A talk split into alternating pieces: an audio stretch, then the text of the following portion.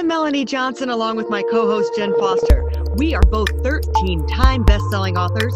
We've published over 2,500 books and made all of our authors number one bestsellers. We own Elite Online Publishing. If you want to become a best selling author, look us up at eliteonlinepublishing.com. Now, welcome to the podcast that shares secrets from top industry experts that show you how to get lasting success and results. This is the Elite Expert Insider Podcast. Hey everyone, it's Jen Foster here today, and I am here with John D. Allen. We're here with Elite Expert Insider. Remember to subscribe and like our podcast and share. We're on YouTube and iTunes and Google Play and everywhere podcasts are listened to. So please subscribe. And we want to excuse Melanie Johnson today, my business partner. She isn't able to be here today. And so I'm going to be interviewing John D. Allen. He is a marketing specialist and he is the author of Unlocking the Hidden Treasures in Business. And we're really excited to dive into his marketing and business knowledge today and learn some awesome stuff from him. So, welcome, John. Well, thanks very much for having me, Jen. I appreciate the opportunity to share with uh, you and your guests. Yeah, well, tell us a little bit. Uh, how did you get into marketing and how did you start in this business down this path? I was a workaholic and I worked six, seven days a week, 10, 12, 14 hours a day, six, seven days a week. And then in 2000 and December 4th, 2000, mm-hmm. I was given a brain aneurysm. Oh, now, oh, wow. I say given because obviously it really changed my life. Yeah. With that brain aneurysm, I was given less than a 10% chance to live. And if I did live, the odds were 85% against me having any kind of a normal life. So after being in the hospital for five and a half, six weeks, I got out. Of course, I still had the recuperation time, mm-hmm. but it also gave me a big time to think about what was important in life. Yeah. I'd been in corporate for many years, 25 plus years at that time. And what had happened is I was always training people uh, for their various jobs, what have you. That was one of my positions was training, hiring, firing, and all the rest of it. And I thought, why am I doing this for other people? You know, why not do it for myself? So when I was on my way home from the hospital, I looked up and I gave made the big guy a promise that if he would let me live, I would spend the rest of my life helping small business owners get the most out of their business. Now, I ended up having to go back to, to corporate for a few more years. Mm-hmm. But my first client was my dearly departed wife, now departed wife. What had happened is she'd had a small business like everybody else. It was up and down, up and down, you know, no steady profit. So mm-hmm. I helped her straighten her business out. And then I got asked by some other friends and people that if I could help them. One of the mm-hmm. guys that I was able to help Greg Wright. He was a heavy duty truck salesman in Calgary, Alberta. And he was on a draw of $36,000 a year. Mm-hmm. And you're familiar with Alberta. Yeah. 36 grand to live in Calgary isn't much money. No. After Greg and I had worked together, I think for four or five months, he had his income up. He was on target for 104,000 for the year. Oh, that's awesome. And that was just teaching him about how to get referrals. Right. So the only tell us a little bit about how you helped him get referrals. How did you turn that around for him? Basically, because uh, he was selling to a lot of, and I can't remember the nationality, but they were they weren't Canadian. But I said to him, these guys buy trucks, but they also know everybody else in their community. Mm-hmm. So you give them good service, go out of your way, give them the best service you can, and asked them for referrals. And they just started referring people and coming to them. And the other thing I said to him was, uh, he had some clients that lived in Red Deer, which is about 90 miles out of Calgary. Mm-hmm. I said, deliver the trucks to them. Yeah. Don't have them come to you. Take the trucks to them. Yeah. And these little things, his his you know salary just blossomed. Right. I think those two things really go hand in hand in any business is giving the best quality customer service and going over and beyond. And then that second part, which I think a lot of business owners don't ask themselves, is do you have a referral marketing system? So not just do you ask for referrals, but do you actually have a system, right? Do you actually have something in place where uh, that you have every single time you're going to do this and ask for a referral and have a whole system in place.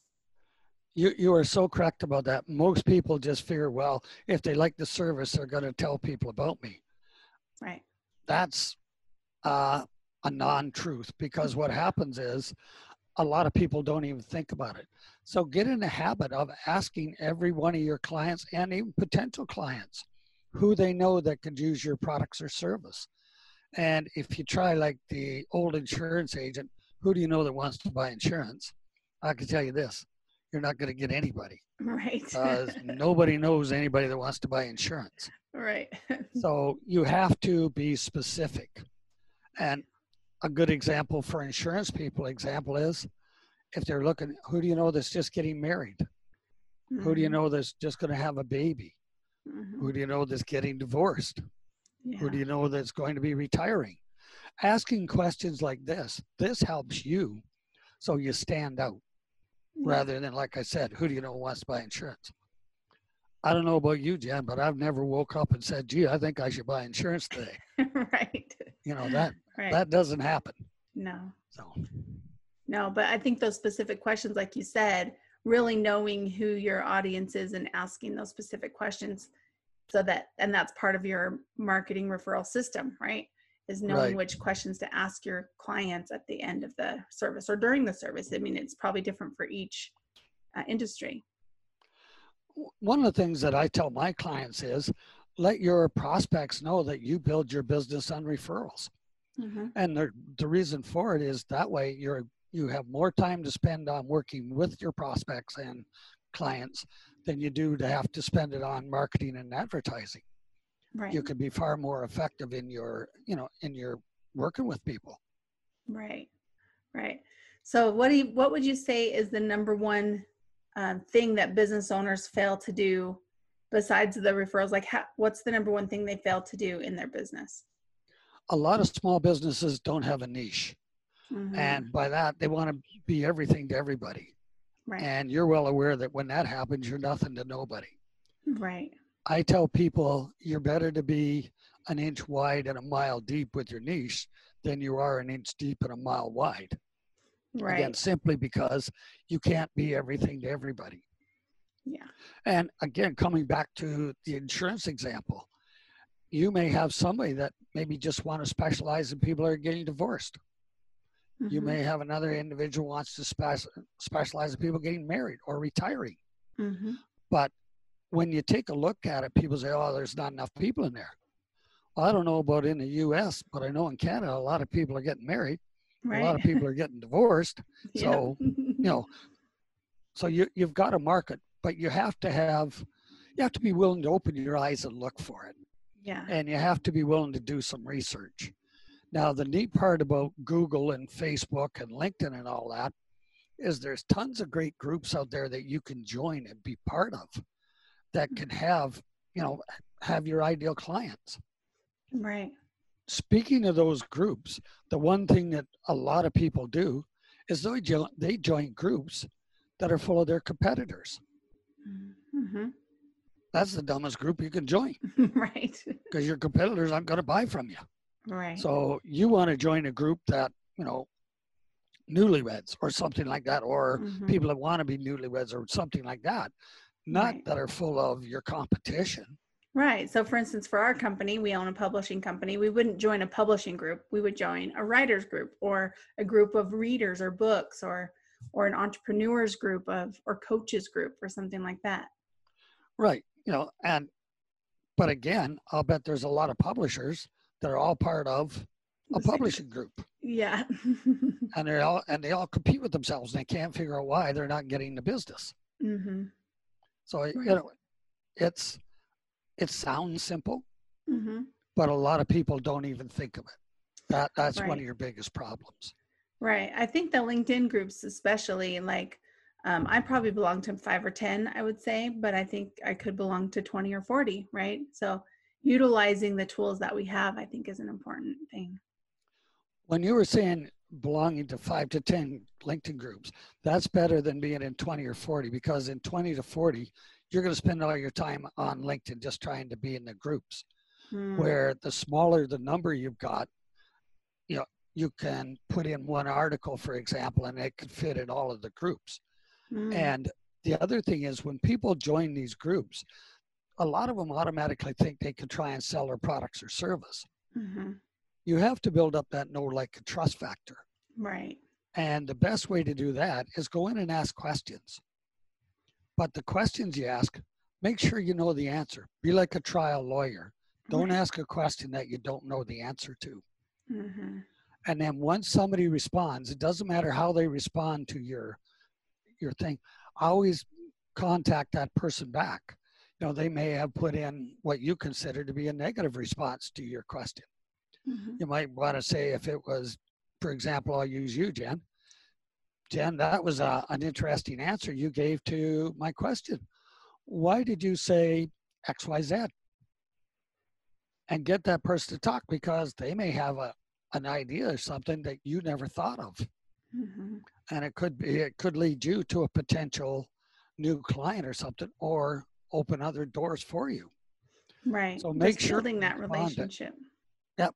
So make sure you respond to everybody. And the positive ones, ask them the same thing. Why did you respond that way? Mhm. That curiosity questions. Sure.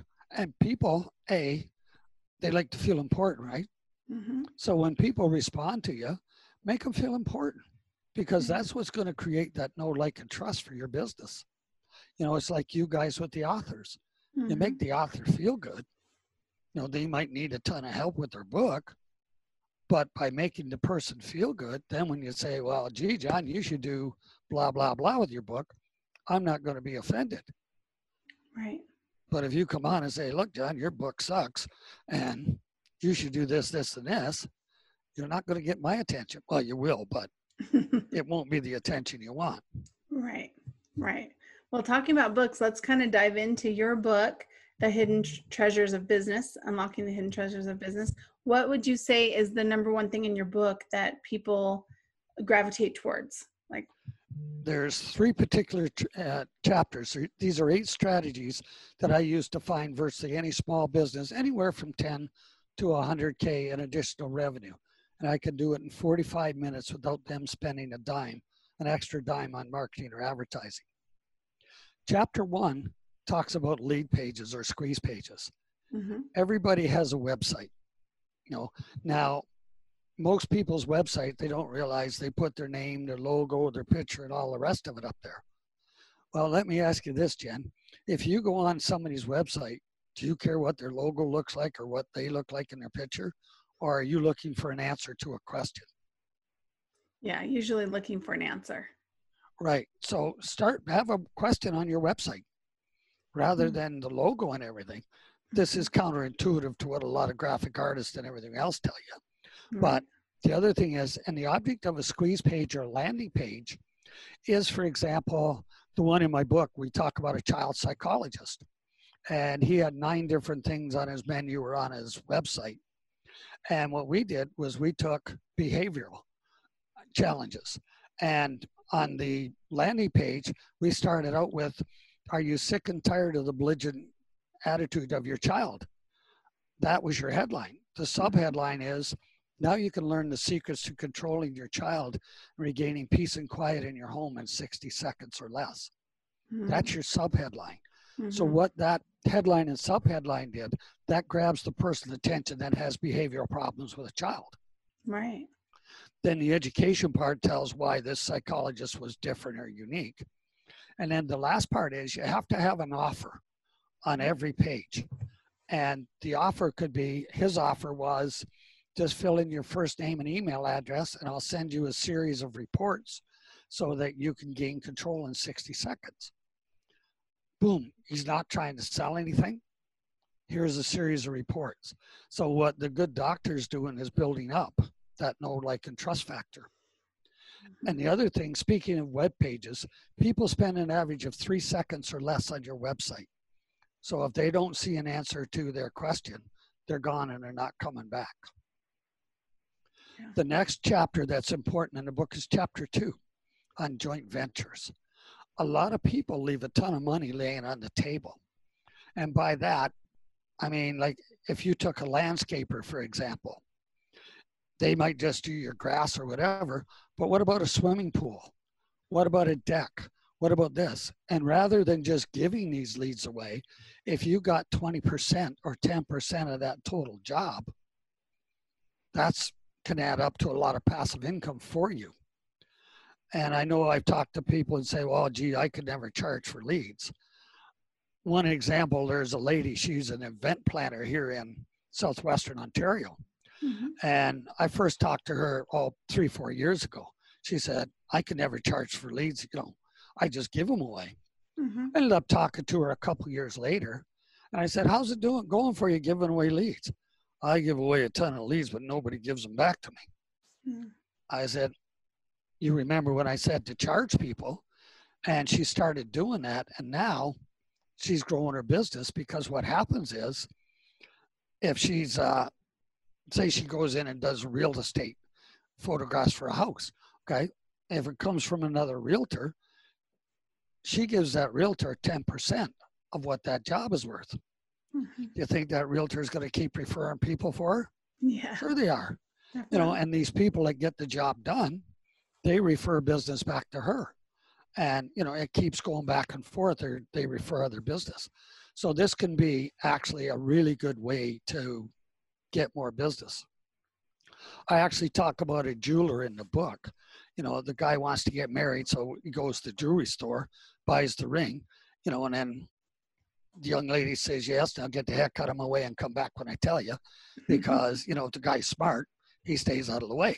Mm-hmm. But if you stop and look at it, now you got the wedding planner, then you got the bridal gowns, then you got the florist, then you got the DJs, you got the church, the chapel, wherever you're going to hold the reception and everything else. So if that wedding planner gave each person some of these leads and collected 10% of what it was worth, that could be a lot of money. Mm-hmm. And in the book, I use the florist, for example. Uh, a wedding cake is a thousand bucks. Actually, I guess they're a whole lot more. Yeah. But if you got a wedding cake, just 10% of the wedding cake, at that's a hundred bucks, right? Mm-hmm. If you got 12 of those a year, that's $1,200 in your pocket that all you said for, hey, Jan, go get your wedding cake over at such and such. Right. You know, you could go get your printing done for your the invitations and everything. You know, say that's another three thousand. Well, if you gave at three hundred bucks at one a month, you know, there's thirty six hundred dollars a year. Mm-hmm. It doesn't take long when you start looking at all the other people that could use that service. Yeah.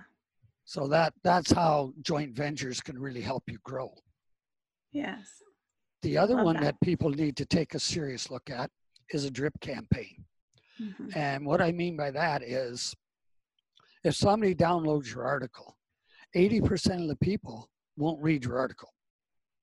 Now, we've all got to it files. We're all going to get to it someday, yep. but we never do. So, what the drip campaign does is you take that article and you break it into segments. And once a week, you send them a different segment. And before long, it's a case of, hey, some may be ready to buy right away. Others will be in the middle, and still others will be in the bottom. Mm-hmm. The child psychologist, we set up the drip campaign for him. And on his, uh, he got 156 new patients out of the drip campaign. 30 new ones came in his 12th month. Wow. So he ended up having to hire other people to work for him. Right. But that's just the power of a drip campaign.